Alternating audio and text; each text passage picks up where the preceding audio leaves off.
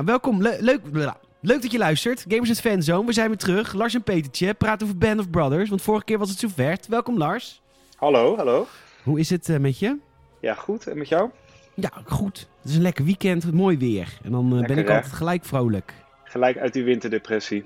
Heb jij nog wat eh, lekker gewandeld of gesport? Het is trouwens het weekend. Nou, trouwens, het is het weekend voordat deze aflevering online komt. Maar heb je nog wat leuks gedaan? Eh, ja, lekker buiten gewandeld en van de zon genoten. Heerlijk, joh. Heerlijk terrassen weer. We mogen eruit. We mogen eruit. Nou, hartstikke lekker. Eh, je had een biertje gepakt, hoor ik ook. Ja, zeker, zeker. Wat voor een biertje eh, leffe blond. Een leffe Een blond. leffe blond. Lekker, lekker. Dat, dat maakt altijd iets losser hè, als je dan moet praten over, over zoiets zwaars als Band of Brothers. Precies. Dan heb je dat wel nodig, ja. Dat is een beetje ook in de traditie van Nixon. Een beetje zuipen. Ja, nou, dat is goed. Ik heb hier ook een gin tonic staan. Lekker. Dus die ga ik zo Fancy? inschenken. High class. High class, zeker, zeker. Je hebt tegenwoordig een baan, hè? ja, precies. ik heb vandaag, eh, ik heb vandaag twee, eh, heb ik al sinds, sinds Sjoerd bij me weg is. Nou, dat is al jaren geen nieuw dekbed overtrek gekocht. Want ik had er altijd maar één. Echt? En die, Dat is ja, toch helemaal kut? dat is helemaal kut, ja. Maar ik was altijd arm. Dus dan ging ik daar geen geld aan uitgeven. Want we mo- moeten wel door kunnen roken. Ja, Dus- maar ik hoorde, ik hoorde laatst dat je wel voor 30 euro een onderzeeër in GTA had gekocht. En daar kan je ook wel een dekbed voor kopen, hoor. Ja, precies. Nou, ne- nou, een dekbed is 32 nog wat, hoor. Nou ja, dat bedoel ik. Ja, dus ik heb, twee, ik heb twee dekbed overtrekken gekocht. Lekker, joh. Dus Mhm. nu is die droog als je eronder kan slapen. ja, precies.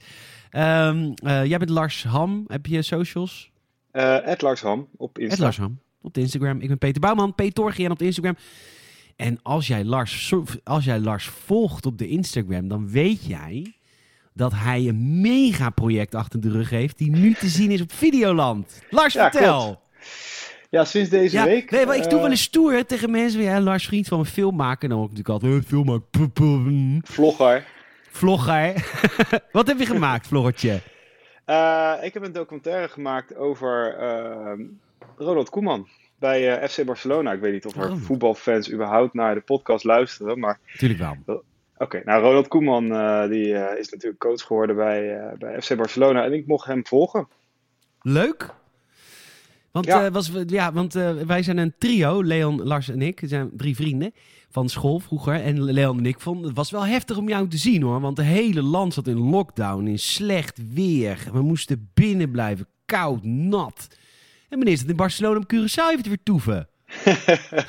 ja, dat, dat was afgelopen eh, december inderdaad. Toen hebben we het grootste gedeelte van de docu opgenomen. eh, eh, en dat ging heel hard. En ik heb zo'n beetje de hele docu gedraaid ja, op één dag na. En het grootste gedeelte was dan in Barcelona. Dat was dan interview met, met Ronald Koeman. En inderdaad ook op Curaçao met Rob Jansen. Dat is dan zijn manager. Ja, ook nog naar Memphis geweest. Memphis Depay in eh, Lyon. Dus eh, ja, dat was het reisje wel inderdaad. ja. En, eh, en als je me allemaal niet gelooft, Videoland. Hoe heet, hoe heet die docu? Forza Koeman. Forza Koeman, nu op Videoland. En eh, jij staat als eerste bij de endcredits natuurlijk, Lars. Ja, en in de intro. Zelfs in de intro. Ja. Heb je nog niet gekeken, Peter? Nee, ik heb het niet gezien. Jezus. Nou ja, je kan je gratis aanmelden bij Videoland. De eerste twee weken zijn gratis. Dus, Ja, maar dat heb ik al lang een keer gedaan. Oh, oké. Ja, dan moet je dokken. Ja, ik, Maar ja, als je niet eens een dekbed kan mij... kopen, dan... eh, Nee, dat kan inmiddels wel. Want als we erover praten in de podcast, dan heb ik mijn Patreon ervoor Oké, natuurlijk. ja, ja. Nee, prima. Ehm, Kijk ik, ga vanavond, eh, ik ga vanavond kijken, de eerste aflevering. Hoe lang duren Oké. ze? Eh, drie keer 35 minuten is het. Oeh, dat vind ik wel lang. Nee, grapje. ik heb niet zoveel met voetbal. Nee, snap ik, snap ik. Maar het gaat ook over eh, De mens. zijn- familie en hoe hij Mm. daar in de stad eh, woont en zijn geschiedenis met de club. Het gaat niet echt over eh, zijn werk bij Barcelona, want dat, dat, ja, daar kom je gewoon niet binnen. Het gaat veel meer over Koeman zelf en zijn familie. Oké. Nou, mooi. Leuk, leuk project, man. Goed gedaan. Ja, thanks. En leuk dat we ook al die foto's en zo kregen. Van jou. Dat vond ik me echt heel leuk. Ja, echt. Het is je gegund. Het is, het is je echt gegund. Ja, ik ben rustig. ja. Ja. Eh, Oké, eh, Band of Brothers deel 2. We gaan eerst eventjes, want het is, eh, we hebben heel veel plichtplegingen. We, we- we maken één keer een podcast, Lars, en we hebben het week erop allemaal plichtplegingen. Want we kregen een superleuke reactie van Richard via Patreon. En Ja. ehm, dat is een betalende luisteraar, hè. En, ehm, maar die, die reageren ook altijd wat meer, want die zijn echt invested. Eh, en Richard die heeft echt een fucking vette geschiedenis. Ik ga gewoon beginnen en eh, dan af en toe breek je maar in. Hier ook een fan van de serie in het boek. Ben gefascineerd door de Tweede Wereldoorlog. Boekenkast vol. De actie van Winters, ja... In, in aflevering 1 zit een actie van Captain Winters of aflevering 2... waar ik Twee, natuurlijk weer ja. ontzettend denigerend over deed. het is gewoon een beetje rennen. De actie van Winters op kanonnen die nog steeds gedoseerd wordt, was niet alleen rennen, Peter. Tactiek, creëer een vuurbasis, die pint de vijand vast en leidt de aandacht af van de anderen die flanken. Net zoals in de game Brothers in Arms, wat wij allebei fucking vette game vinden volgens mij, Lars. Zeker, zeker. Eh. Paratroepers waren elite-soldaten, dus eh, eh, duur en niet bedoeld om grondtroepen te vervangen. Oké. Ehm, en paratroepers, ik zei natuurlijk ook weer iets helemaal fout, dat is een Russische uitvinding. Oké, prima. Oké. Zelf heb ik in 1985 mijn militaire dienstplicht van 14 maanden moeten vervullen. Ze weten gelijk nog hoe oud je bent, want toen was je denk ik Zo. 18. Ja. Ja. en ik eh, nog vloeibaar? Nog niet eens? Jij nog vloeibaar en ik eh, net niet meer. Uiteraard geen oorlog, die was toen heel koud, hè? koude oorlog. Maar ik begrijp de band. Wij werden als jonge mannen 14 maanden met elkaar opgescheept. In het normale leven verschilden we zo dat we elkaar nooit hadden leren kennen. En het schept een band. Eh, en dan voor het beeld. Aantal pelotons is een compagnie. Aantal compagnies is een bataljon. Aantal bataljons is een regiment. Een aantal regimenten is een divisie. Oké, nou, helemaal leuk. Eh, ja, ik vond het echt super interessant, die reactie. Wel echt eh, leuk om van een echte veteraan. Ja, je bent echt een veteraan. Bedankt voor je service. Ja, inderdaad. En in dienst was ik een koeko, dat stond voor kutkorporaal. nou, je bent echt een mensenmens. Ehm dankjewel Richard voor je reactie, vinden we heel lief. Ehm, en nu gaan we lekker naar de serie, want eh, eh, ik, kreeg, oh, ik kreeg ook helemaal show notes van Lars van tevoren. Wat, wat waren we vorige week iets vergeten, Lars? Ja, we waren natuurlijk geëindigd eh, met Market Garden, dus de, de, de slag om Arnhem. En daarin zagen we eigenlijk al dat Easy Company richting, richting Frankrijk ging. Nee, België, Bastogne. Ja. En daar aankwam. Eh, en we zijn eh, we- ja, eigenlijk gewoon de, beste quote van de serie, die hebben wij overgeslagen. Ja, want, wij, eh, want nadat wij deze aflevering hadden gemaakt, toen heb ik nog wat research gedaan. Doe ik altijd achteraf. want dan hebben we er niks aan. En het blijkt dus dat heel veel bekende mensen hebben meegespeeld in deze serie. Toen, ze- toen, maar ook, denk je, weet deze guy ook weer? Die de, luitenant die je nu bedoelt, met Ja. de MO? Dat is Jimmy Fallon. Jimmy Fallon. Ik wist dat toevallig wel, dat Jimmy Fallon erin zat. Maar die, eh, en jij zegt, die heeft de quote van de serie aan het einde van de vijfde aflevering eigenlijk gezegd. Nou ja, hij, eh, eh, hij komt aan in een jeepje. Easy Company die, is, die springt net uit de vrachtwagen. Ja, en de situatie is gewoon helemaal kut. Ze hebben geen munitie. Nee. Ze hebben alleen maar bij zich wat ze in Nederland hadden. Ze hebben geen winterkleding. En het, het is gewoon dik winter en het, het vriest. Geen waterdichte laarzen, gewoon helemaal kut. En eh, eh, Jimmy Fallon, eh, die komt dan aanrijden in een jeepje met, met de munitie. En die, die zegt, ja, jullie gaan het zwaar krijgen, jullie gaan omsingeld worden. En dan zegt Winters, we're paratroopers, lieutenant, we're supposed to be surrounded. Nice. Wat natuurlijk wel heel awesome is. Super awesome. Zou hij dat ook echt gezegd hebben? Hij heeft het ook weer. echt gezegd. Ja, ja, volgens mij wel. En eh, het is natuurlijk wel de essentie van paratroopers. Die landen ergens en die zijn gewoon altijd omsingeld. Dus die weten hoe ze daarmee om moeten gaan. Toen wij de vorige keer afsloten met de eerste helft van Band of Brothers. Dat was de eerste vijf afleveringen. Nu gaan we de tweede vijf afleveringen bespreken. De tweede helft. Toen zei je al, die tweede helft van, van die serie is wel echt, echt het hoogtepunt. Dat daar, daar komt de serie echt op stoom. Waarom is dat? Nou ja, omdat hier wordt eh, eh, Easy Company, maar het hele, de, de hele 101st Airborne, de divisie, wat ik van eh, Richard geleerd heb. Ehm, Hier wordt de 101st echt legendarisch doordat ze het Ar- Ardennen-offensief voor een kiezen krijgen en dat, dat weerstaan. En, en ja, in het boek staat ook dat, dat ze daarmee wel de meest legendarische divisie van het hele Amerikaanse leger zijn geworden. Omdat ze het hebben het doorstaan? helder. Wat zei je? Omdat ze het hebben doorstaan. Eh, ja, in de omstandigheden die ze hadden, die gewoon helemaal kut waren, hebben ze, eh, ja, hebben ze, en ze waren gewoon zwaar in de minderheid, zwaar onder vuur gelegen en ze hebben het doorstaan en daardoor zijn ze wel echt een legendarische eh, deel van het Amerikaanse leger geworden. Dit zijn wel Weet- echt de, de Battle Bastards of Bastogne heten ze volgens mij. Ja. Nog. Ehm, ik, eh, ik, de- toen wij de vorige aflevering hebben gemaakt, direct dezelfde avond heb ik alle vijfde afleveringen gezien van de tweede helft van seizoen 2. ja, Ik kon niet stoppen met kijken. En oh, de liefde van mijn leven zit in aflevering 6. Doc Rowe. Eh, Dog Row, oh my god, ik ben zo verliefd op Dog Row. Ja. Ehm, zelfs nu nog, is nu nog steeds een mooi man. Heb ik ook nog even uitgezocht. Ehm, met, ja, je doet je research gewoon. Weet ik doe een re- research graag met op de knieën.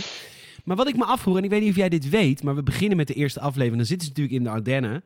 Eh, het is helemaal omsingeld. Ze moeten van die, van, die, van, die, eh, van die gaten moeten ze graven om zich soort van in te verstoppen of warm te blijven of whatever. Ja. ja. Het is sneeuw. Dit is gewoon echt zoals het vorige weekend in Nederland was. Uh-huh. Ehm, waarom was deze actie? Ik snap het niet. Ik, ik kijk die aflevering en denk, waarom? Ga daar weg. Ga daar weg en kom terug met een paar tanks. Of ga daar weg en gooi die hele omgeving vol met napalm. Nou ja, eh, de Duitsers die, die, die hadden op dat moment een soort wanhoopsoffensief. eh ze waren gaan terugtrekken en men dacht dat de Duitsers al verslagen waren. En in de Ardennen eh, dachten ze dat er zo'n vier divisies zouden zijn. Maar daar zaten er in één keer 25. En die braken daardoor en met het doel om Antwerpen te veroveren. Ja. Uh, dus daar zat in één keer uh, uh, zaten daar zoveel manschappen dat ze echt volledig overlopen werden. En toen is um, de 101st en de 82ste die zijn daarheen gestuurd om die lijn te houden. Dus ze, ze waren gewoon zwaar onderbezet en ze moesten dat, dat offensief weerstaan, zeg maar. Maar ja, gewoon met veel te weinig manschappen en daardoor zitten ze zo kut bij. Ja, en, en, om, en in tegenstelling tot de Russen gewoon er echt niet op gekleed ook. Nee, zeker niet. nee. Het begint fascinerend, die aflevering 6. Die heet Bastonje. En uh, de dokter die, uh, is bij iedereen morfine aan het halen en hij zoekt een schaar. En dat vond ik al... Dat hebben ze heel tekenend, of dat heeft waarschijnlijk de schrijver van het boek heel mooi opgetekend. Dat op dat moment alles is schaars. En dan kom je direct achter. Want er zijn ook, uh, ik weet niet of dat in deze aflevering is, waarschijnlijk wel. Op een gegeven moment zitten de twee dokters van de divisie, compagnie of whatever. Want ik ben het al vergeten wat Richard zei. Zitten de twee dokters in één putje. En dan komt er een guy naar ze toe. Wat de fuck doen jullie met z'n tweeën in één putje? Wat als jullie nu worden gebombardeerd, zijn we gelijk al onze doktoren kwijt. Ja. Dat vond ik zo veelzeggend. Er zit heel veel.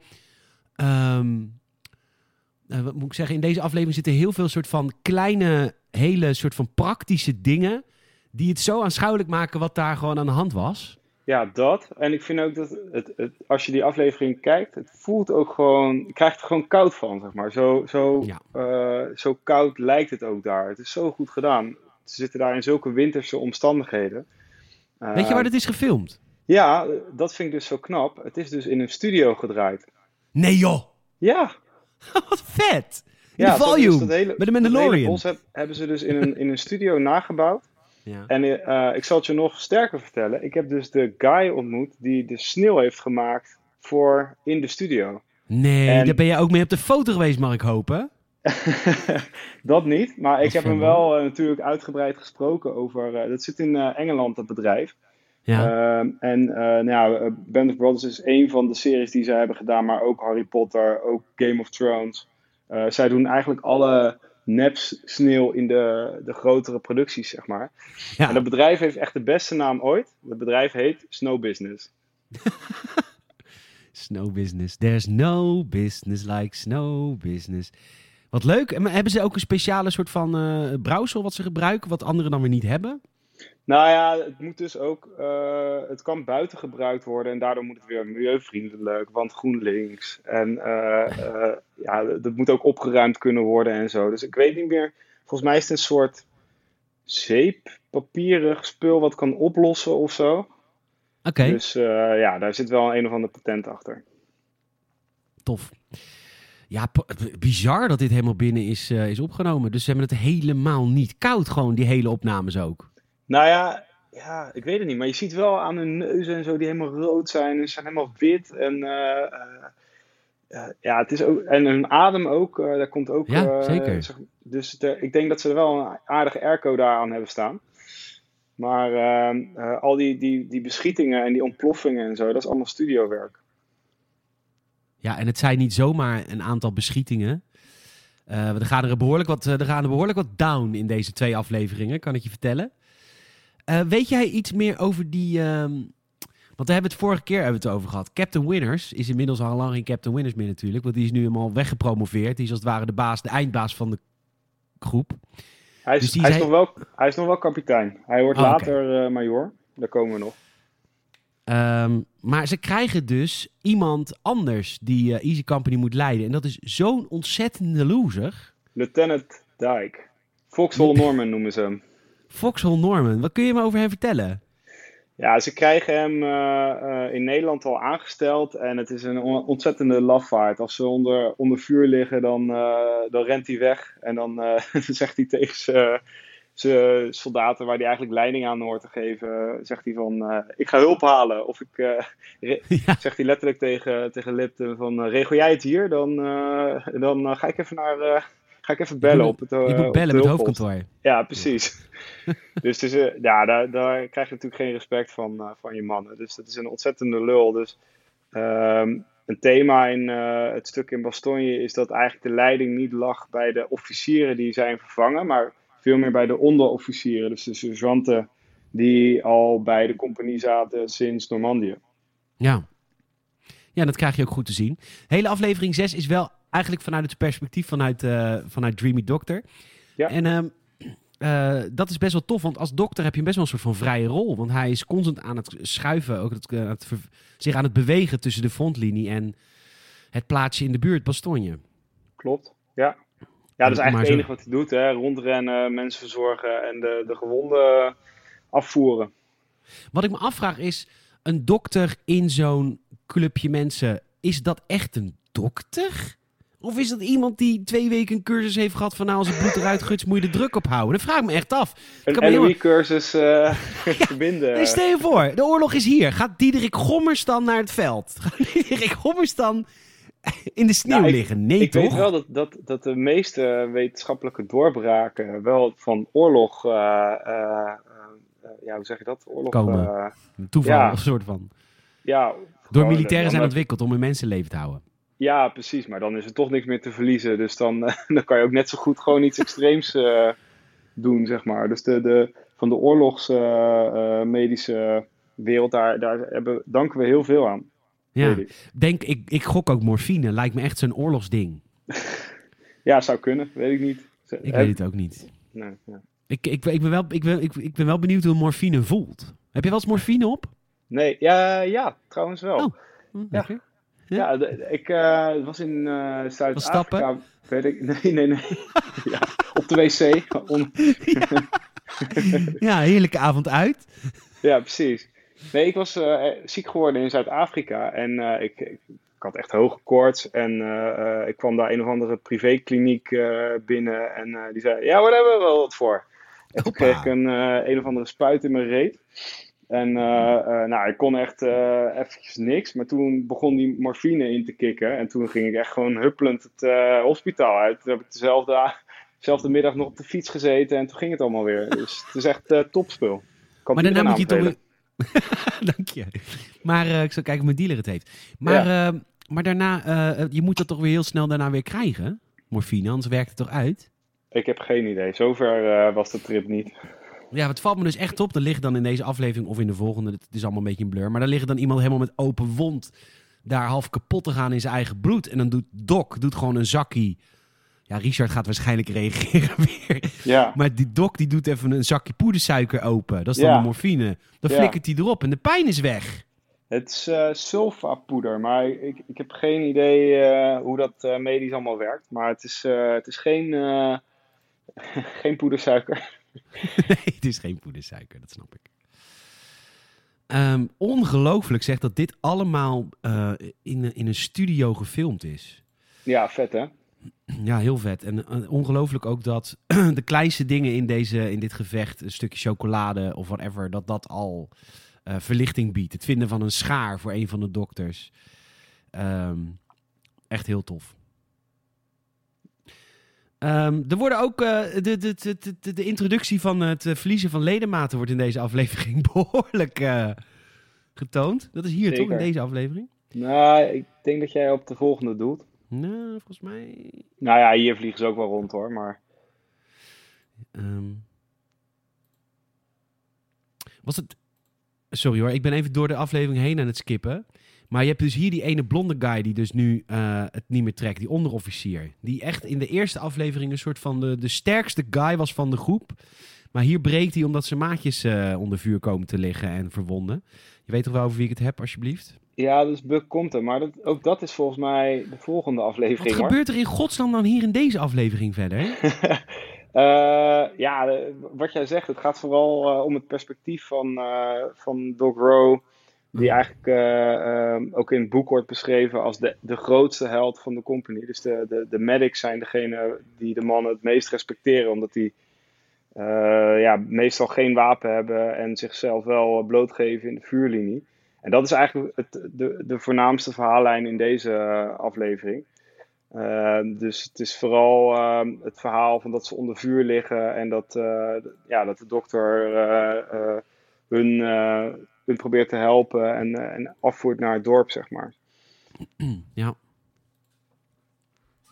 Geweldige aflevering. En aflevering 7, mag ik naar 7 of zijn we iets ja, vergeten in 6? Nee hoor. Um, in aflevering 7, wat ik zo vet vind aan deze serie, het is altijd uniek wat ze, wat ze laten zien. En dat komt natuurlijk ook allemaal door dat boek, dat snap ik allemaal wel. Maar aflevering 7 begint met een Duitser die rijdt op een paard. Waarvan je al denkt, het is een Duitser en geen Pool. Want heb je wel eens die Tweede Wereldoorlog beelden gezien? Dat Duitsland Polen binnenviel met tanks. En dat de Polen weerstand boden te paard. Met paarden, ja, ja, ja. Bizar, vreselijk om te zien. Maar dat, dat was. Maar goed, in het begin komen ze dus een, uh, komen een groep soldaten. Komt een Duitse soldaat uh, tegen op een paard. Nou ja, die schieten ze natuurlijk dood. En dan is die guy heeft eindelijk zijn Luger te pakken. Want die wil ja. aflevering. Hoe heet die? Hoepler. Hoepler. Die wil al vanaf aflevering 1 een Luger. Wat is een Luger? Uh, een officierenpistool. Is dat specifiek een officierenpistool? Nou, volgens mij is het wel een pistool. Uh, uh, sowieso kreeg je niet standaard een pistool. De Amerikanen, als je die mee wilde hebben, dan moest je die zelf betalen. en het, maar, Echt? Ja, maar de, de meesten deden dat wel. Dat toch wat ja, dat is Amerikaanse een, traditie ook. De Second Amendment. Oh, zo. ja, ja, precies. Je zou bijna denken van, die kunnen ze vanuit huis meenemen, inderdaad. Ja, zeker. Die hebben ze gewoon in de keukenla. Maar Luger is dus een officierspistool en hij wil vanaf aflevering 1 of 2 wil hij een Luger hebben. Ja. Het ziet er ook niet uit, dat wapen. Het ziet er echt heel stom uit. Maar op een ja, manier is dat een... Klappertjespistool, hè? Echt een heel lullig dun loopje. Ja, ja, er kunnen niet hele grote kogels in, denk ik dan. Nee, maar het schijnt wel echt een heel gewild ding te zijn om te looten. Dat er heel veel soldaten zijn geweest die uh, die dingen hebben gespaard en naar huis hebben gestuurd. Ja. Ja, dat, en hij heeft dus eindelijk, uh, eindelijk zijn Luger. En, uh, en nog geen vijf minuten later schiet hij zichzelf ermee dood. Ja, helemaal trots op zijn op trofee. Liet hij hem aan iedereen zien. Ging hij de, de Vauxhalls langs. Een beetje opscheppen. Ja, dan gaat hij af en schiet zichzelf in zijn, in zijn slagader. Ja, in zijn been. Want hij houdt zijn Luger zeg maar zoals een echte cowboy. Uh, zo in zijn broek. Ja. dat is natuurlijk heel dom. En... Um, en ook, ook weer, dit is dus ook weer echt gebeurd. Ja, ik blijf het vragen, maar het is allemaal zo onwerkelijk. Ja, nee, het is inderdaad echt gebeurd. Helaas. En hier uh, beginnen ook de spanningen op te lopen tussen die, uh, die um, Dijk, ja. Dijk Norman Dijk, die, die duidelijk geen leiding wil geven. Maar hij kent iemand hoger op. Dus Winters kan hem ook niet ontslaan of zo. Vond ik wel een beetje vreemd. Want, ja, dat... ja, ja, hij moet gevechtservaring opdoen, dus hij kan hem ook niet wegsturen, want het is gewoon een vriendje van hogeraf. Ja, maar kan hij hem niet wegsturen of is het, dit is het Winters die toch een beetje zwak is? Ja, ik weet, dat kan, mag ik natuurlijk nooit tegen jou zeggen iets over Winters. dat weet je nou ja, natuurlijk helemaal niks. Ja, Winters die krijgt een hoop geklaagd van zijn van uh, onderofficieren dat hij zo slecht is. Maar uh, ja, in het boek staat dat hij er gewoon niks mee kon. Want hij, het is niet aan hem om hem weg te sturen.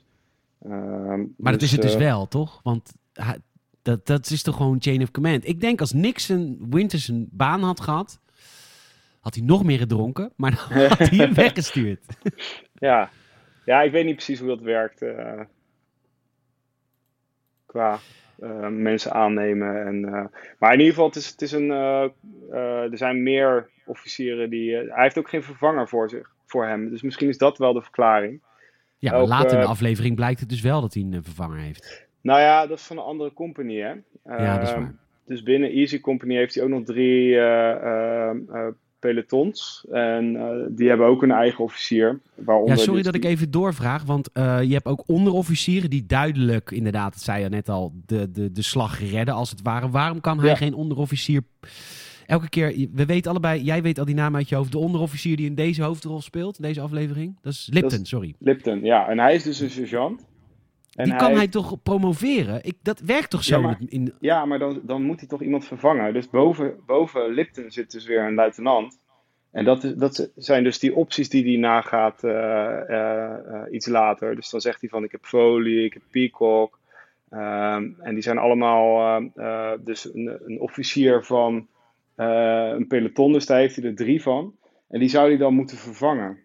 Dus dan, en dat kan volgens mij niet, want dan, ik denk dat hij hem dan zou moeten degraderen, zeg maar. Dus daar moet je wel, denk ik, een goede reden voor hebben. Dus, uh, dus hij heeft, daaronder heeft hij dus drie luitenants. En daarboven zit dus die Vauxhall Norman. En uh, ja, daar heeft hij dus ook geen vervanger voor. Ja. Ja, dat was, dat was echt een groot probleem. En eh, dat later, ik vond, ja, ik, ik, ik, ik, ik rekende, in, toen ik deze aflevering keek, dacht ik, waarom doet hij hier niet wat aan? Maar dat, dat, dat maakt zelfs militairen heel bureaucratisch. En terwijl dat, dat hele rangensysteem moet er juist voor zorgen dat het niet zo bureaucratisch is. Want je moet altijd luisteren naar degene boven je. Ja. Dus ik vond het een beetje een zwak verhaal van Winters. Ik snap dat allemaal niet kon, maar dacht, nou, jammer. Als je dan zo'n leider bent, laat het dan zien. Ja, dat vond ik wel een beetje.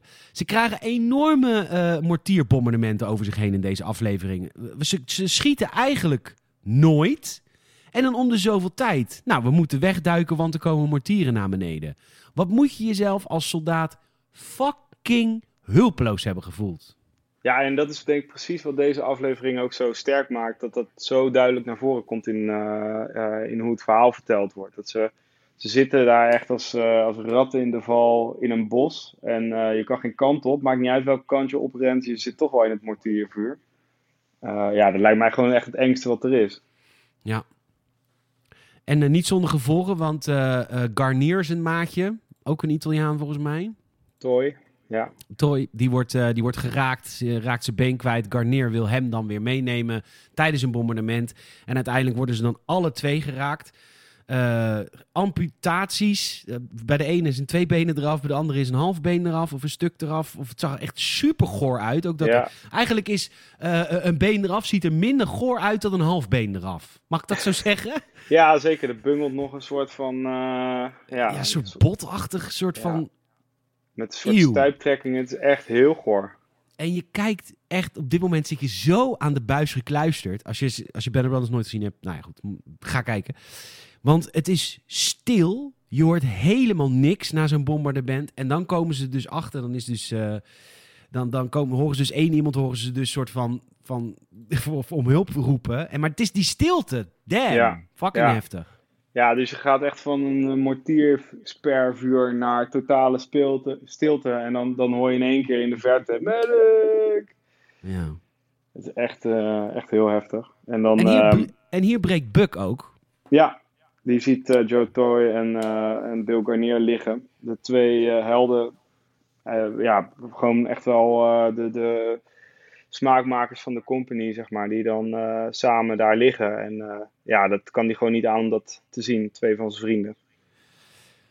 Ik verbaasde mij hierover dat dit kon in de Tweede Wereldoorlog. Want hij in principe iedereen. Um, dat was ook wel grappig. Op een gegeven moment had je in de eerste aflevering had je de aflevering Replacements. Ja. En later, in volgens mij de aflevering hierna, is het ook... zodra je zeg maar gewond bent geraakt... en je bent een paar weken weg om op te knappen... en je komt dan terug... dan moet je eigenlijk weer opnieuw omhoog werken... als waren het je echt een rookie bent.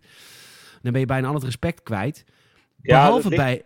Dat ligt eraan of jij je best doet om terug te komen of niet. Er zijn dus ook een paar die zijn inderdaad uh, naar de ziekenboeg gegaan... en uh, die zijn daar een soort van... Uh, ontsnapt of gevlucht. Of in ieder geval weer, die hebben zichzelf weer snel aangesloten bij de company. En daar, daar krijg je wel gewoon respect voor natuurlijk. Maar als jij je lekker laat verzorgen en ervan neemt en de tijd neemt om te revalideren en je komt een paar maanden later aankakken, ja, dan hebben die gasten wel zoiets van, ja, had je niet even kunnen helpen. Ja, maar dat is met Compton niet, met Buck, want die, die is geesteziek. Ja, er mankeert lichamelijk niks aan hem. Hij heeft, en geloof me, ik zou er ook last van hebben. Maar ik bedoel, in die tijd van is het wel heel heftig dat iedereen respecteert dat hij gewoon gebroken is geestelijk. ja. En iedereen vindt dat ook oké. Eh, Nou ja, ze vinden het zielig voor hem. Maar het is niet van, al wat een mietje, want waarom gaat hij weg? Er is niks met hem aan de hand. Had ik misschien wel een beetje verwacht. Ja, maar ik denk dat hij daarvoor toch te veel heeft gedaan al in de gevechten. Hij is ook zelf al eerder ge- gewond geraakt in Nederland. Uh, en uh, ik denk dat hij daar gewoon te veel respect voor heeft. Van zijn maten. Ja. Um, de, eindelijk mogen ze wat doen aan het einde of richting het einde van deze aflevering. Ze moeten namelijk een, uh, een stadje veroveren. Ja. Wa waarom, waarom nu pas? Dacht ik aan het eind. Van, waarom heb je dit niet eerder gedaan? ja, stel hele journalistieke ja. vragen, vind ik toch? Nou, inderdaad. Ja, ik voel me een beetje Maarten van Rossum uh, tijdens deze podcast. Uh, um, ja, volgens mij, ik denk dat het ermee te maken heeft met dat ze in de vorige aflevering van Bastogne, dat ze in de verdediging zitten. Nou. Uh, en dat het veel meer gaat om het uh, neerslaan van het Ardennen-offensief. En uh, dat, dat um, dit, de, deze aflevering heet ook Breaking Point. Dat, dat ze nu weer teruggaan naar de aanval en dat ze deze stad nodig hebben, omdat ze, dat van strategisch belang is. Dus dat ze nu weer in de lead zijn, zeg maar. Uh, net voordat deze dat eindgevecht, de bosbattle begint, gaat Ja. Lipton naar Winters toe en die zegt nu voor het eerst van luister, die Dyke, die baas van ons, die kan het niet. En dat is echt heftig dat een onderofficier dat zegt tegen Captain Winners. Klopt.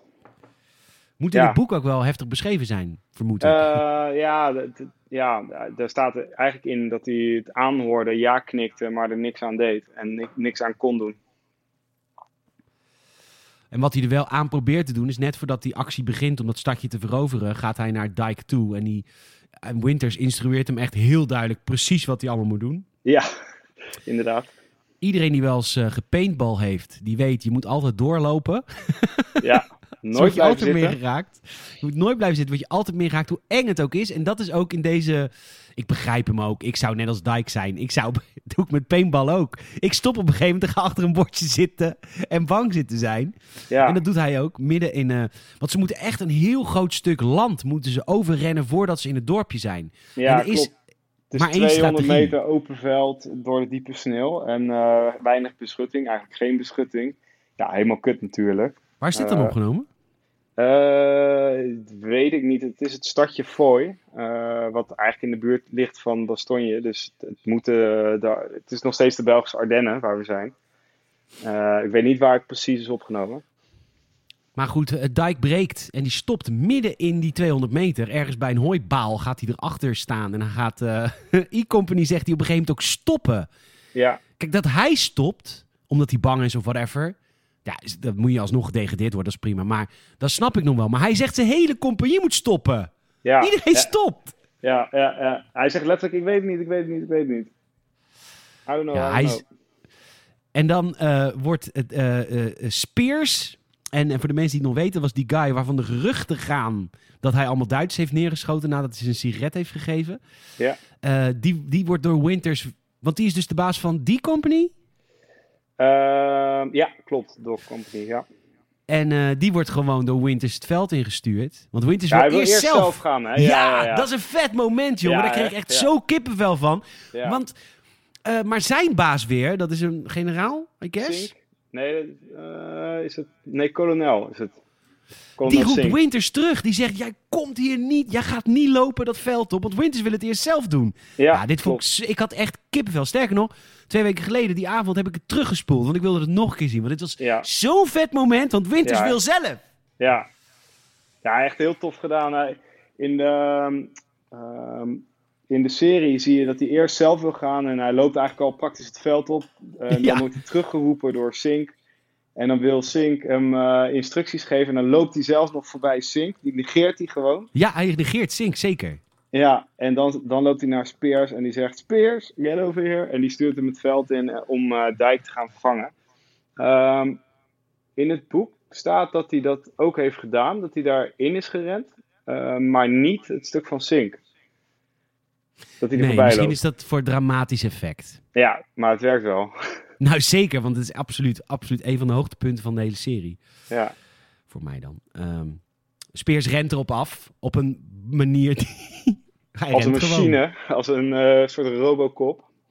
Bizar dat hij niet geraakt is. Ja. Ehm, maar hij gaat verder, want, hij, de, aan de- want dit dorp, Foy, is omsingeld. Of is het, dit is ook deze aflevering toch, dat hij helemaal door het dorp... Eh, Rent? nou, volgens mij vallen ze van twee kanten aan. Ja. Eh, en is er aan de andere kant van het dorp dus ook een compagnie aan het aanvallen. En die moet informatie krijgen.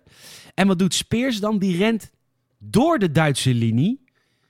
Ehm, en hij wordt niet neergeschoten. Is dit ook echt gebeurd? Ja. Ja, hij rent inderdaad Christus. echt gewoon langs de Duitse soldaten die gewoon zo verbaasd zijn dat ze niet eens op hem schieten. Die denken echt van, wat de fuck gebeurt hier? En hij komt nog terug ook nadat hij de boodschap heeft gegeven. Ja, En hij klopt. overleeft het. Ja. Die man. ja daardoor natuurlijk gelijk een legend. Ja, hij krijgt daarna Easy Company ook, toch? Ja, en, en, en daar zijn de mannen natuurlijk super blij mee, want die hebben nu weer een echte leider. Nou ja, en hoe? Hij is misschien nog wel moediger dan Winters. Ja, precies. Ja, of gewoon zou net voor jou- gek. Eh, Knettergek. Ja, hij is zeker knettergek. En dan eindigen we de aflevering met dat er beelden worden gemaakt voor thuisfront. Eh, natuurlijk. En, ehm, en, en een samenvatting met wie ze allemaal zijn verloren de afgelopen weken. En dat zijn er echt heel wat. Dat is ook de reden dat sommige sterspelers van deze serie natuurlijk niet in elke aflevering zitten. Wat soort, als filmmaker voelt het een soort van raar lijkt. Maar, maar ja, zo is het echt gebeurd. Ja, Ehm, en, eh, en Spears neemt de compagnie over. Ja, echt een geweldige aflevering. ja. ja beide. Die eh, aflevering 6 en 7. eh, als je maar één of twee afleveringen wil zien, kijk deze. Ja. Eh, ik denk dat ik weet waarom jij de tweede helft van het seizoen eh, vetter vindt. Oké, het, is deze twee, het is deze twee afleveringen natuurlijk, die, die, omdat ze heel... En ze niet alleen omdat ze actievol zijn, maar ook omdat ze op heel veel mooie manieren laten zien... eh, dingen waar je helemaal niet over nadenkt bij de oorlog. En dat doen de afleveringen hierna ook. Want wat als eh, de tegenstanders zich al een soort van aan het overgeven zijn? Oh, dan zit ik weer een aflevering te vroeg zeker. Ja, Ehm, ik zit in een aflevering te vroeg. Gaan we het straks over hebben. Want hier moeten ze nog. hier moeten ze nog. eh, hier moeten ze nog eh, krijgsgevangenen gaan, eh, gaan, gaan krijgen. Gaan verkrijgen. Echt een kutmis. Ik vond het niet zo'n leuke aflevering ook. Nee, het wordt een beetje een filler aflevering genoemd. eh Hegena. Ja. klopt. Webster komt terug. Ja, die wordt dus een beetje uitge, uitgepoept door de groep. Want die is dus heel lang op ziekenverlof geweest. Ja, die is dus in Nederland neergeschoten en die komt dus pas eh, na Bastogne terug. Dus iedereen heeft zoiets van, ja, we hadden je wel kunnen gebruiken. En, en dit vind ik dus ook zo grappig. Want je kunt dus blijkbaar eh, in tijd van oorlog... Kijk, kijk hoe het nu werkt. Ik, ben allemaal, ga nu weer allemaal dingen beweren die waarschijnlijk helemaal niet waar zijn. Maar hoe het nu werkt, er is geen oorlog. Dus als je nu in de rangen van de militairen wil stijgen... dan doe je dat natuurlijk door opleiding, lijkt me. Toch? Eh, In- Denk het, ja. In oorlog gebeurt dat natuurlijk niet. In oorlog, oorlog kun je gepromoveerd worden... Ja, eh, naarmate de oorlog vordert. Wat logisch is, want er vallen Ja. mensen af... maar er worden ook mensen gewoon beloond voor wat ze kunnen. ja. Maar ondertussen in het thuisfront zijn er nog mensen die een opleiding krijgen. En dus komt er hier een ventje van rond de 20. die al een hogere rang heeft dan gasten die al vanaf het begin in Easy Company zitten. Ja, dus echt zo groen als gras komt er een nieuwe officier die eigenlijk moet gaan vertellen tegen de soldaten die al sinds Normandië aan het vechten zijn wat ze moeten gaan doen. Maar dat is toch raar? Ja, dat is super raar. Ja. Weet je trouwens wie dat speelt? De, die, eh, hoe heet ik weer? Luitenant, jij- volgens mij is het. Ja, nou ja, ik, ik, nee, ik weet niet wie dat is. Wie is dat? Dat is eh, de zoon van Tom Hanks. Oh ja, dat is de zoon van Tom Hanks. Hij lijkt toch heel erg op Tom Hanks. Ja, leuk hè? Heel leuk. Heeft hij nog wel eens vaker grotere rollen gehad? Geen idee. Nee. Hanks junior. En wist je trouwens dat ehm, die Webster is dus eh, eh, de hele oorlog soldaat gebleven. Hij was erbij vanaf de eerste dag in Normandië. En eigenlijk Ja. is, iedereen, eh, is iedere soldaat sindsdien wel gepromoveerd naar korporaal of naar sergeant. Maar hij heeft het altijd eh, geweigerd. Hij, heeft, eh, ehm, hij was een beetje de intellectueel van het stel. En hij heeft... ja, hij eh, studeert literatuur, hè? ja, precies. En hij heeft ook ehm, eh, in het boek best wel een belangrijke rol, omdat hij heel veel observaties die hij als dagboek heeft opgeschreven, die staan één op één in het boek. Uh, En ja, daardoor gaat het echt wel een heel groot deel in het boek ook over hem. en hij beschrijft ook dat hij eigenlijk niks vrijwillig doet in het leger. Dus hij meldt zich nooit vrijwillig aan voor patrouilles. En je ziet in de serie dus ook dat hij dus, als hij gewond raakt, dat hij niet vrijwillig teruggaat naar het front. Maar ook dat hij uh, gedurende de hele oorlog eigenlijk een uh, promotie weigert. Dus nooit sergeant wil worden. Ondanks dat hij wel de ervaring heeft. Waarom is dat? Ja, omdat hij, ja, gewoon, hij is eigenlijk een beetje tegen de oorlog, zeg maar. Hij heeft er wel zijn kritische kijk op. Ja, en hij is, en wat, eh, was de, is hij onderdeel of is hij de dupe van de dienstplicht dan? dat denk ik niet.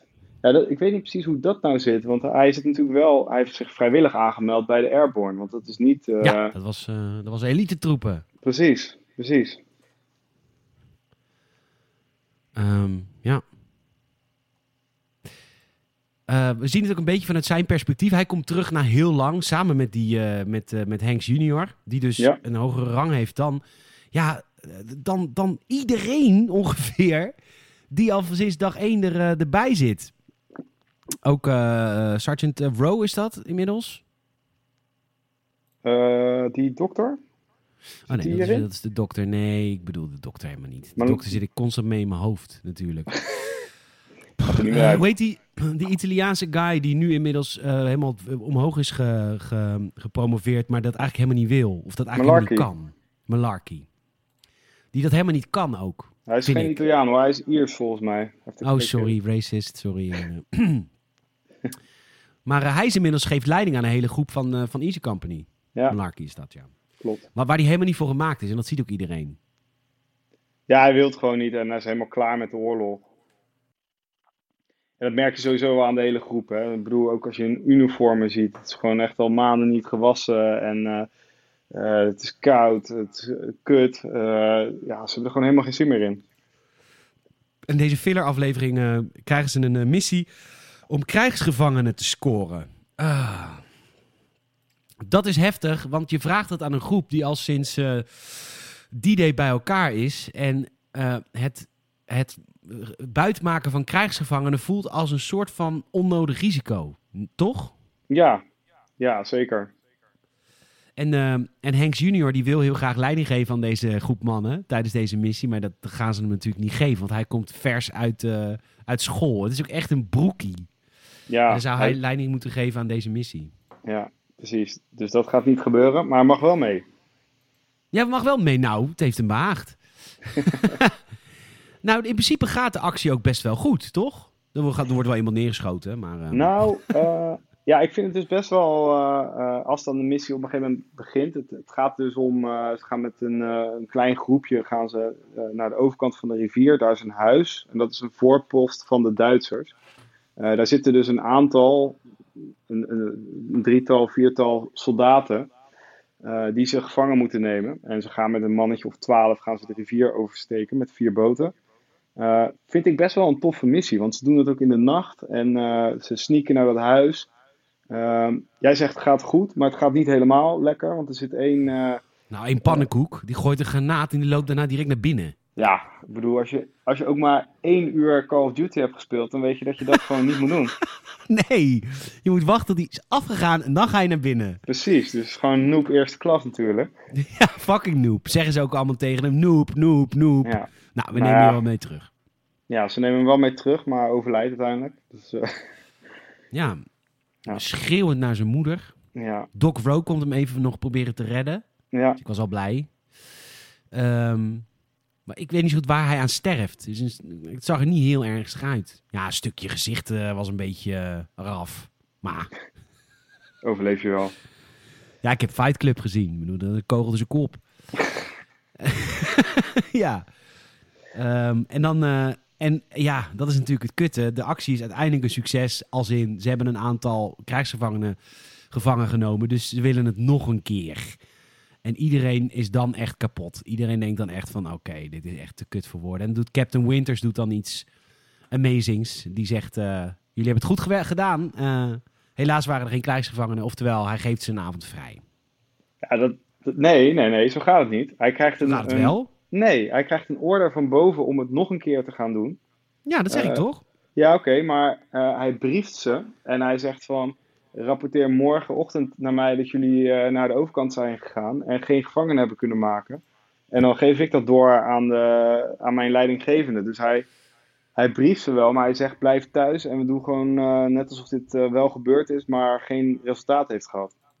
Ik dacht dat ik dat net zei, maar dat heb ik dus niet goed gedaan. Dus Oh, bedankt. oké, nee, dat dat, is... misschien begreep ik je verkeerd, maar Nee, dat kan. Dat verduidelijk het.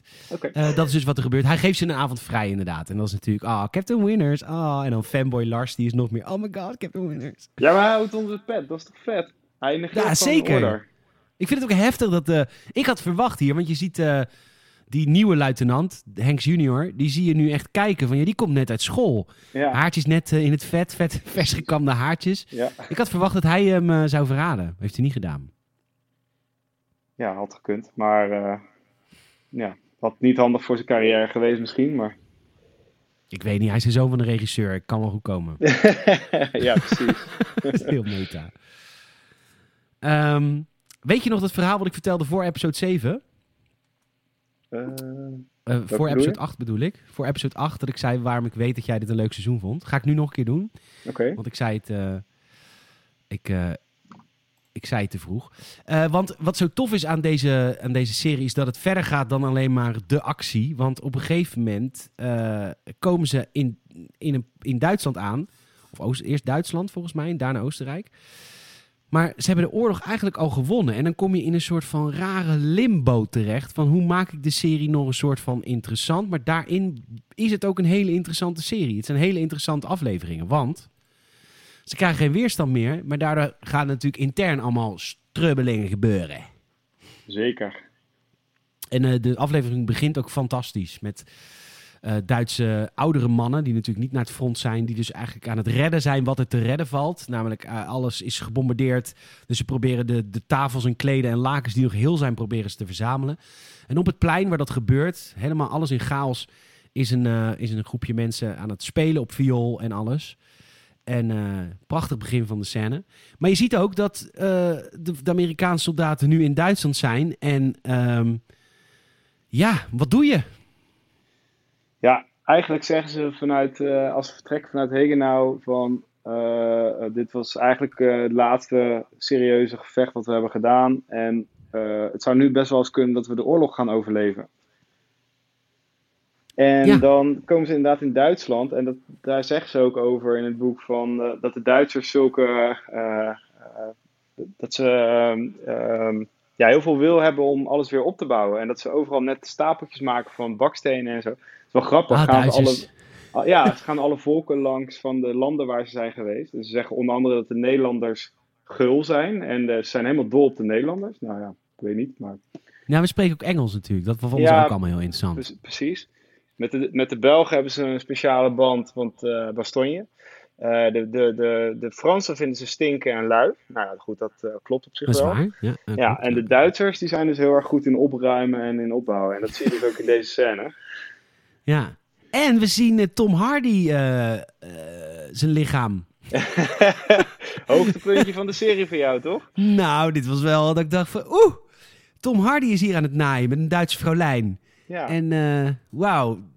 Oké, we gaan door. Eh, wat zijn ze allemaal aan het doen dan nu? In, eh, bedoel, Captain Spears is alles los, wat los en vast zit, bijvoorbeeld aan het jatten. Ja, ja, ja. Die, die, die schijnt echt de grootste plunderaar van, van het hele leger te zijn geweest. Die schijnt ook s'avonds niet te kunnen slapen als hij nog weet dat er ergens nog een buit ligt.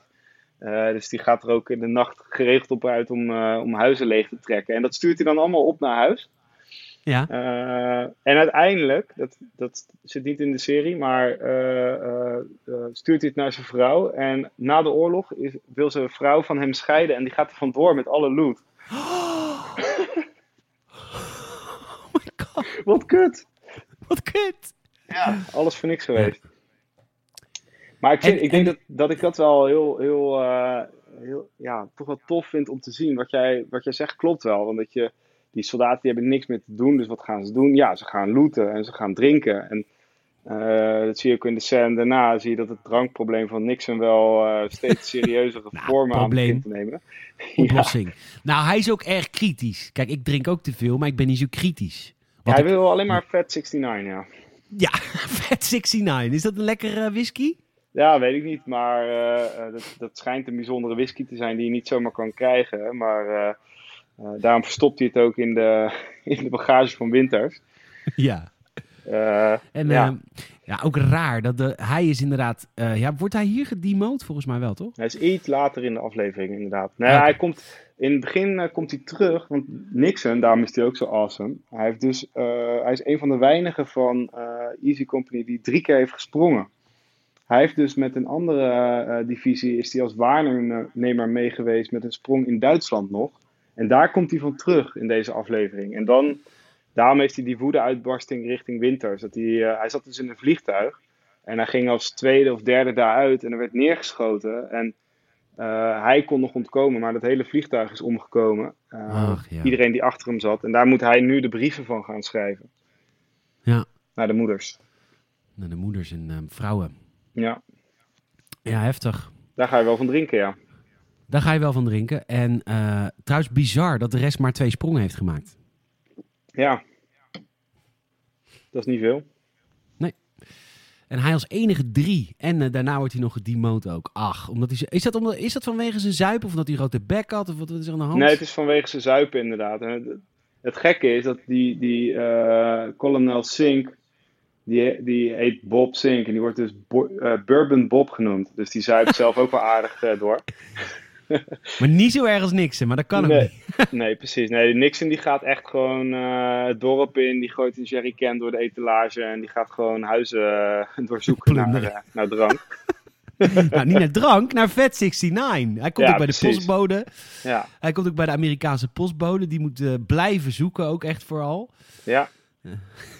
Maar dan heeft hij op een gegeven moment wel zijn meltdown. Uh, dan krijg je te horen dat zijn vrouw van hem gaat scheiden. En, uh, en die wil ook de hond wil ze hebben. Ja. Daar is hij het boos, meest boos over, dat hij, dat hij zijn hond wil. Dat zij ja. haar, zijn hond wil. Um, bizar ook, zo'n oorlog, hoe dat ook um, hele praktische dingen weer heeft. Als you are now entering enemy territory. Er staat er een bord, denk ik. Dan ja. heeft dus een Amerikaanse soort van bureaucratische tak van de, van de militairen hebben daar een bord neergezet. Denk ja, die gasten zijn gedropt in Normandië ja, op die die hebben wel meer gezien, ja. En die komen dan nu reizen Duitsland binnen en zien ze bord, you're now entering enemy territory. Oh my god. Nou ja, en je komt er ook achter hoe, uh, daar hoeveel krijgsgevangenen er genomen worden. Ja, bizar hè? Ja, die Duitsers hebben zich dus nu overgegeven en die lopen dus in, in een stoet van tienduizenden ja, naar het gevang, I guess. Of zijn ze niet allemaal gevangen? Volgens mij zijn ze helemaal niet allemaal gevangen. Volgens mij mochten er heel veel naar huis.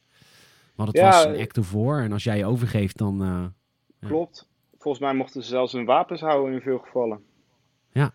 Ja, dat was wel, dat is een mooi. Ik weet niet of het in deze of in de laatste aflevering, dat die Duitse officier die weigert uh, zich over te geven aan een soldaat, maar die wil door een, iemand van een hogere rang zich overgeven. Ja. Die geeft dan ook officieel zijn wapen aan Winters en die zegt, ja. dan zegt Winters, nee, je mag je firearm houden. Ja, Zang een mammoth! Laat dat maar aan de Amerikanen over. ja, nou, dat was een mooi momentje. Um, Ja, dan de meest heftige stuk. Uh, ik denk de meest heftige scène uit de hele serie is dat. Uh, en dit weten. Tenminste, toen ik de serie ging kijken, wist ik dit niet. Of ik had er nooit bij stilgestaan. Dankzij deze serie weet ik dit. Maar mensen die de serie misschien niet hebben gedaan of gezien, die weten dit niet. De Amerikanen wisten natuurlijk helemaal niet van de concentratiekampen. Nou, ze wisten het wel, maar ze dachten dat het propaganda was. Al angst inboezemen. Ja, en ze komen hier voor het eerst een concentratiekamp tegen. Ja, klopt. Uh, Landsberg, dus onderdeel van Dachau. Uh, voor een gezellig ja. dagje Dachau. Ja, precies. ik, weet nog, uh, ik weet nog precies waar ik was toen ik deze scène zag. Oh my god, het is echt een beetje een 9-11 momentje. Ja, echt hoor. ik vond het zo indrukwekkend toen ik dit zag. Ja, ik denk dat ik, ja. dat ik 12 of 13 was of zo toen ik dit voor het eerst zag. En uh, de, ik viel ook in de serie in deze scène. Dus het was ook het eerste wat ik van de serie zag. En, oh, toen dacht je, dit wil ik helemaal zien. Sfeer maken. Ja, precies. nou ja, kijk, het is natuurlijk super heftig. Als jij, uh, moet je voorstellen dat je niet weet dat de holocaust gaande is. En dat er concentratiekampen zijn. En je loopt door een bos. En uh, je komt in één keer zo'n kamp tegen. En je ziet dan ook uh, Paconte die rent terug om Major Winters te gaan halen. Ehm, ja, en die weet gewoon niet wat hij, hoe hij moet uitleggen wat hij gezien heeft. Nee. En diezelfde Percanti, die, eh, volgens mij spreekt hij Duits, dus die moet ook de eerste... Nee, dat is eh, Liepkot. Op Liepkot, nou ja, Duits. Die moet dus ook met die eerste eh, Joodse slachtoffers praten. Die moeten hem vertellen wat er gebeurd is. Ja, en hij is zelf Joods, hè? Ja, dat is natuurlijk wel een ding. Hoe, eh, jij weet inmiddels heel veel van hoe dit is gemaakt. Het enige wat ik dacht, hoe word je zo slank? hoe is dit gebeurd? Ik, ik, ik- het is ongelooflijk hoe dun en uitgemergeld en slecht die mensen eruit zien. Ja. Is het met het acting geweest van honderden mensen die zichzelf verhongerd hebben? Wat, wat- weet jij hier iets van? Want het is bizar als je ziet hoe die mensen eruit zien. Nee, ik weet, ik weet niet specifiek hoe dit is ge- gedaan. Maar ik weet wel dat, dat eh, alle lijken die je ziet, en eh, dat zijn natuurlijk gewoon poppen en props. Ja. Eh, maar de, de, de, de extreem dunne mensen, daar wordt gewoon, daar kan je, je kan letterlijk op alles kan je, kan je casten. Dus je kan Ja. overal wel een castingoproep eh voor uitschrijven. Dus als jij ondervoede of, of hele dunne mensen wil, ja, die kan je wel vinden. Dat, Kun je kopen. Ja, ja, precies. Als je geld hebt. En de reactie die Winters heeft is logisch. Ga eten halen. En eh, Ja. dan komen ze ook bij een, eh, bij een kaasboer of een bakker. Komen ze, een Duitser. Die komen ze de hele zaak leegroven. Ja, En Webster die heeft natuurlijk de concentratiekamp gezien. Dus die verliest het hier even. Die dreigt dat hij hem neer wil schieten. ja, Want die Duitse eh, middenstander die denkt... Ja, jullie roven mijn tent leeg. ja. Ja, ja en, en maar Webster denkt natuurlijk van, ja, hallo, je zit één dorp verderop. Je weet donders goed waarvoor we het halen. ja. En dan moeten ze ook stoppen met eten geven. Dat vond ik ook zo schrijnend. Ja, dan moet dus Liepkot, de, de, de, de Joodse man die Duits spreekt, die moet gaan vertellen richting de gevangenen dat ze terug het kamp in moeten, omdat ze zich anders dood zouden gaan eten. En eh, ja, dat moet onder toezicht gebeuren. Ja, dat, dat hakt er natuurlijk in eh, bij hem, dus die, die breekt ook helemaal. Heftige scène vond ik dat. Ja, vond ik ook heel heftig. Ze moeten weer terug het hok in, want ja, anders kun je het niet. eh, kun je geen triage plegen, als het ware. Kun je niet. En, en dit heb ik ook hier geleerd: dat ze toen eh, eigenlijk execu executioner zijn gaan spelen, de Amerikanen. Er is natuurlijk martial law, is er daar. Dus de Amerikaanse leger beslist in principe wat er gebeurt in de gebieden die ze veroverd hebben. En wat beslist waarschijnlijk eh Sink, dat de Duitse bewoners van het dorp ernaast moeten die lijken gaan begraven. Het is zelfs General Taylor die dat heeft gezegd. Die heeft eh, Oh. noodtoestand afgeroepen en daardoor inderdaad eh, mensen in het dorp opgeroepen. Iedereen tussen, ik geloof, 14 en 60 of zo. In ieder geval een leeftijd dat ze Man kunnen en werken. vrouw. Man en vrouw moesten helpen om ja, de lijken te begraven. Ja.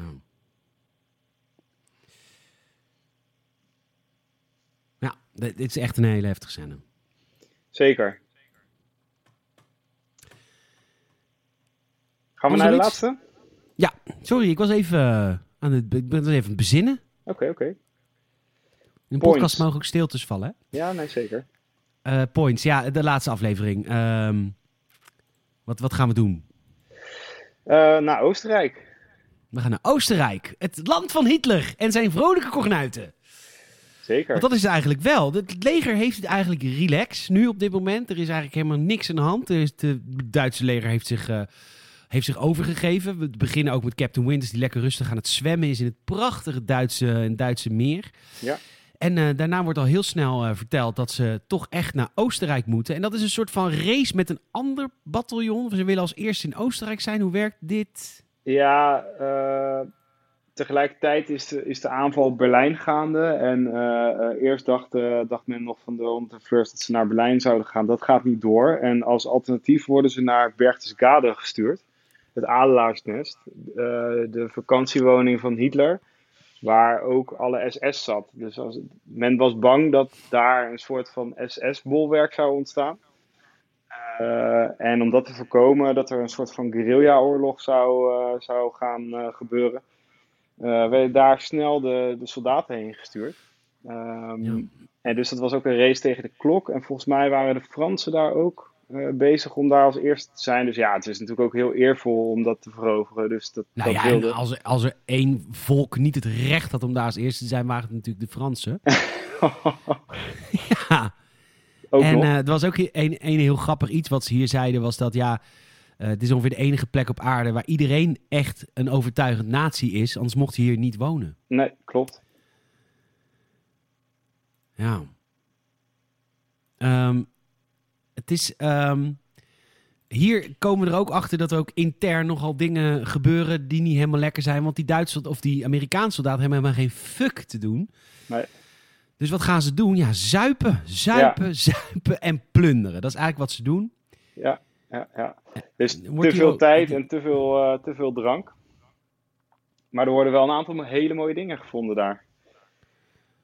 Nou, was het, kom je er in het boek achter wie wat allemaal heeft gescoord? Ja, zeker. Zeker. Eh, eigenlijk ook zoals het in de serie zit. Eh, dus Winters die heeft onder andere het bestek van, uh, van Berchtesgaden meegenomen. En daar heeft hij jarenlang nog van gegeten. Dat heeft hij ook gehouden. Thuis. Oké, dat vind ik, Winters vind ik daar ook wel weer zo'n type voor die dat dan niet verkoopt. Nee, precies. Die het dan ook gewoon gebruikt. ja, als een soort van eh, mooie aandenken. Ja, precies. En die soldaat, eh, dat zit er dan ook in, dat die Moore, die, eh, eh, die vindt dus op een bureau een, een fotoboek van Hitler zelf. Ja, Eh, en daar heeft Winters dus mee geholpen om dat terug te smokkelen naar Amerika. Door hem. oh, die, die, die wilde hem gewoon helpen. Ja, ja, die vond het zo vet. Die heeft hem chauffeur gemaakt en daardoor kon die, eh, ja, kon die zeg maar eh, dat, eh, dat meesmokkelen. Oh, wat goed. Dus, En mensen gaan ook voor eigen rechter spelen.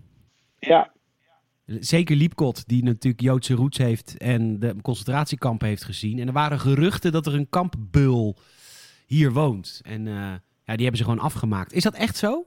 ja, klopt. De- eh, kon Het is je wel iets voor- anders gegaan trouwens. Want eh, in het boek staat dat ze hem eerst eh, in zijn huis eh, meenemen. En dan springt hij uit de jeep, rent hij weg en dan schieten ze hem neer. Maar het blijft eh, inderdaad wel het, eh, een vermeend kampofficier eh, eigenlijk zonder proces is, eh, is neergeschoten.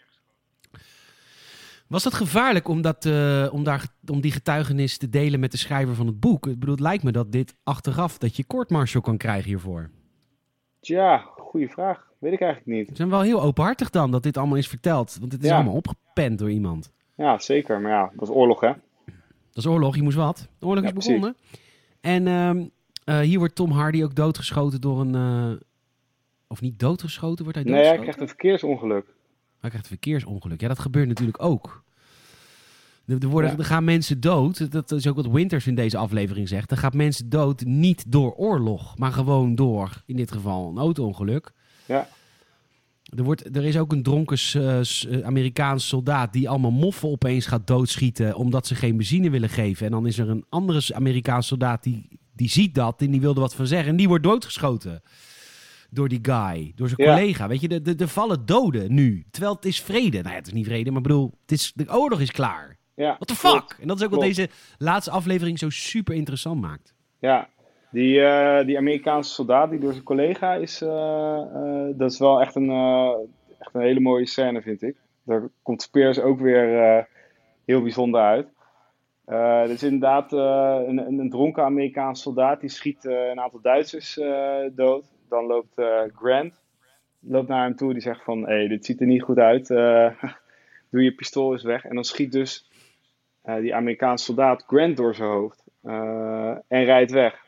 Ehm, dan komt Grant vervolgens met die kogel in zijn kop bij eh, de, de, de doc van, eh, of de, de medic van eh, Easy Company. En die zegt, ja, dit is verloren zaak, dit gaat niet eh, lukken. En dan zegt eh, Spears, die zegt van, oké, eh, neem me mee, we gaan een hersenchirurg chirurg zoeken in het Duitse dorp. En die vinden ze ook.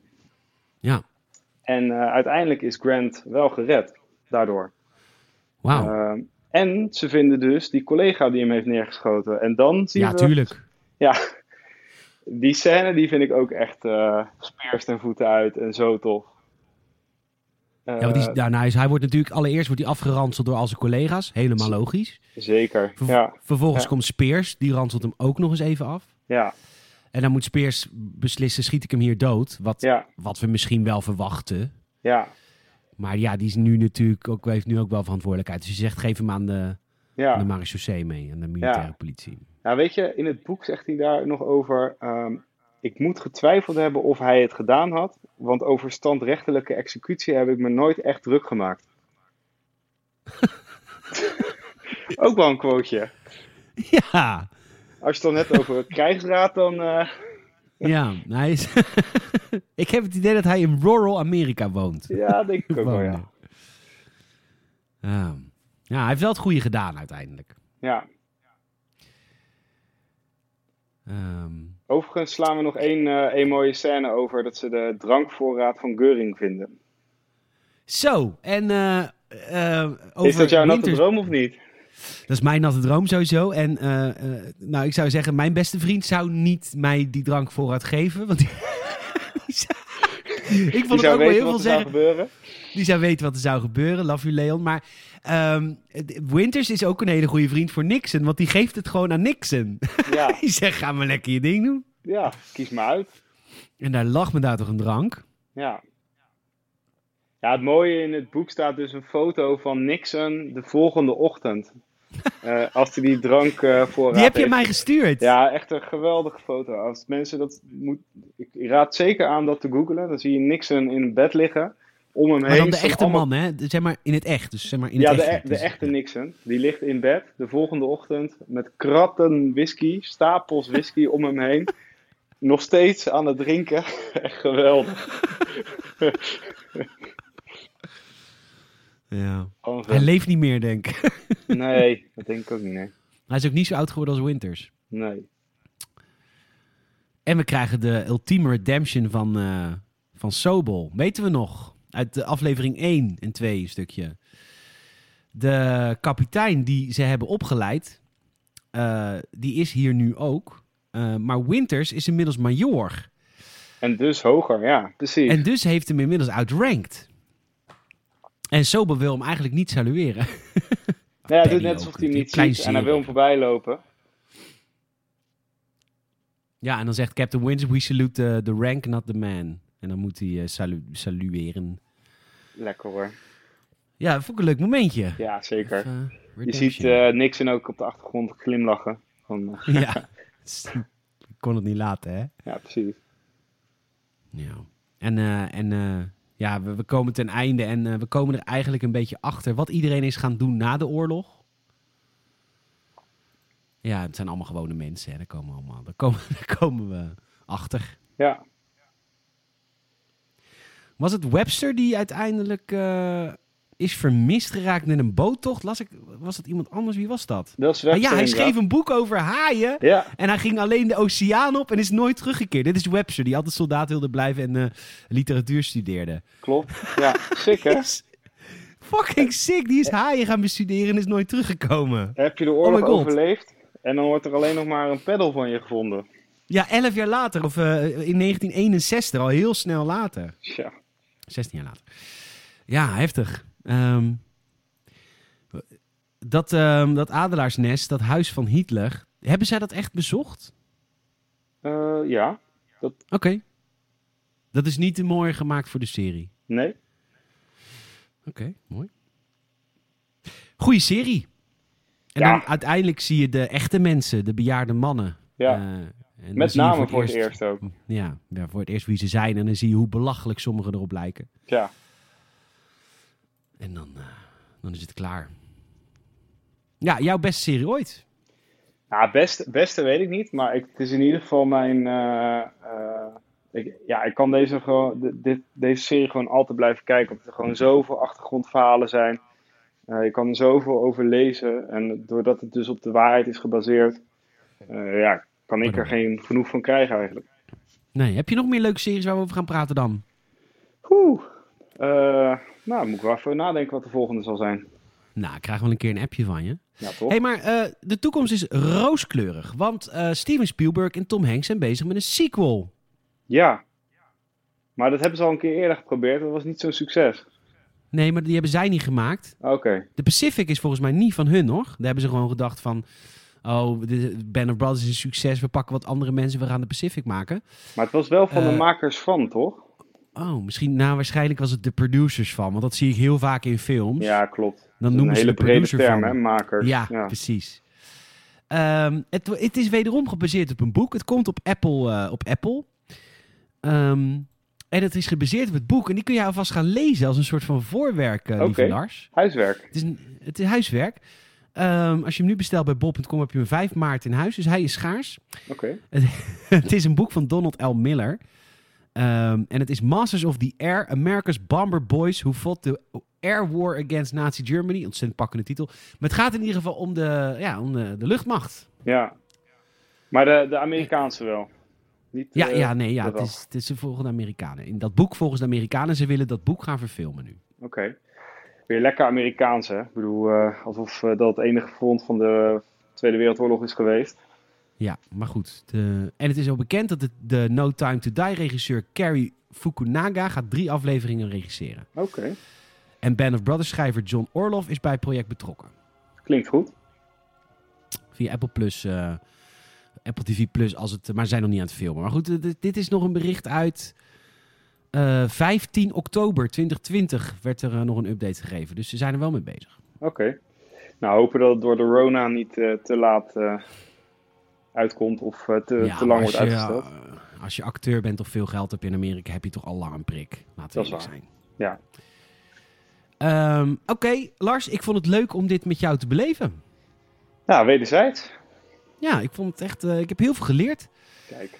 Luisteraar, ook echt enorm bedankt dat je weer geluisterd hebt naar deze Gamers at Fanzone. Het duurde lang, een uur en tien minuten zie ik alweer dat we op zitten. Lekker. Ik hoop dat je ervan genoten hebt. Tel een friend, hè. vertel een vriend of vriendin over deze podcast, want zo kunnen wij groeien. En laat even een Apple Podcast review achter, over- eh, achter want dan komen wij hoger in al die, eh, al die lijstjes, de algoritmes. En eh, je kunt natuurlijk lid worden van Patreon. 50 mensen gingen hiervoor. Patreon.com slash gamersnet voor superveel extra content. Lars, mag ik je onwijs bedanken? Mag ik jou bedanken. Dat mag ook. Luisteraar, jou ook bedankt. En tot de volgende Gamersnet podcast.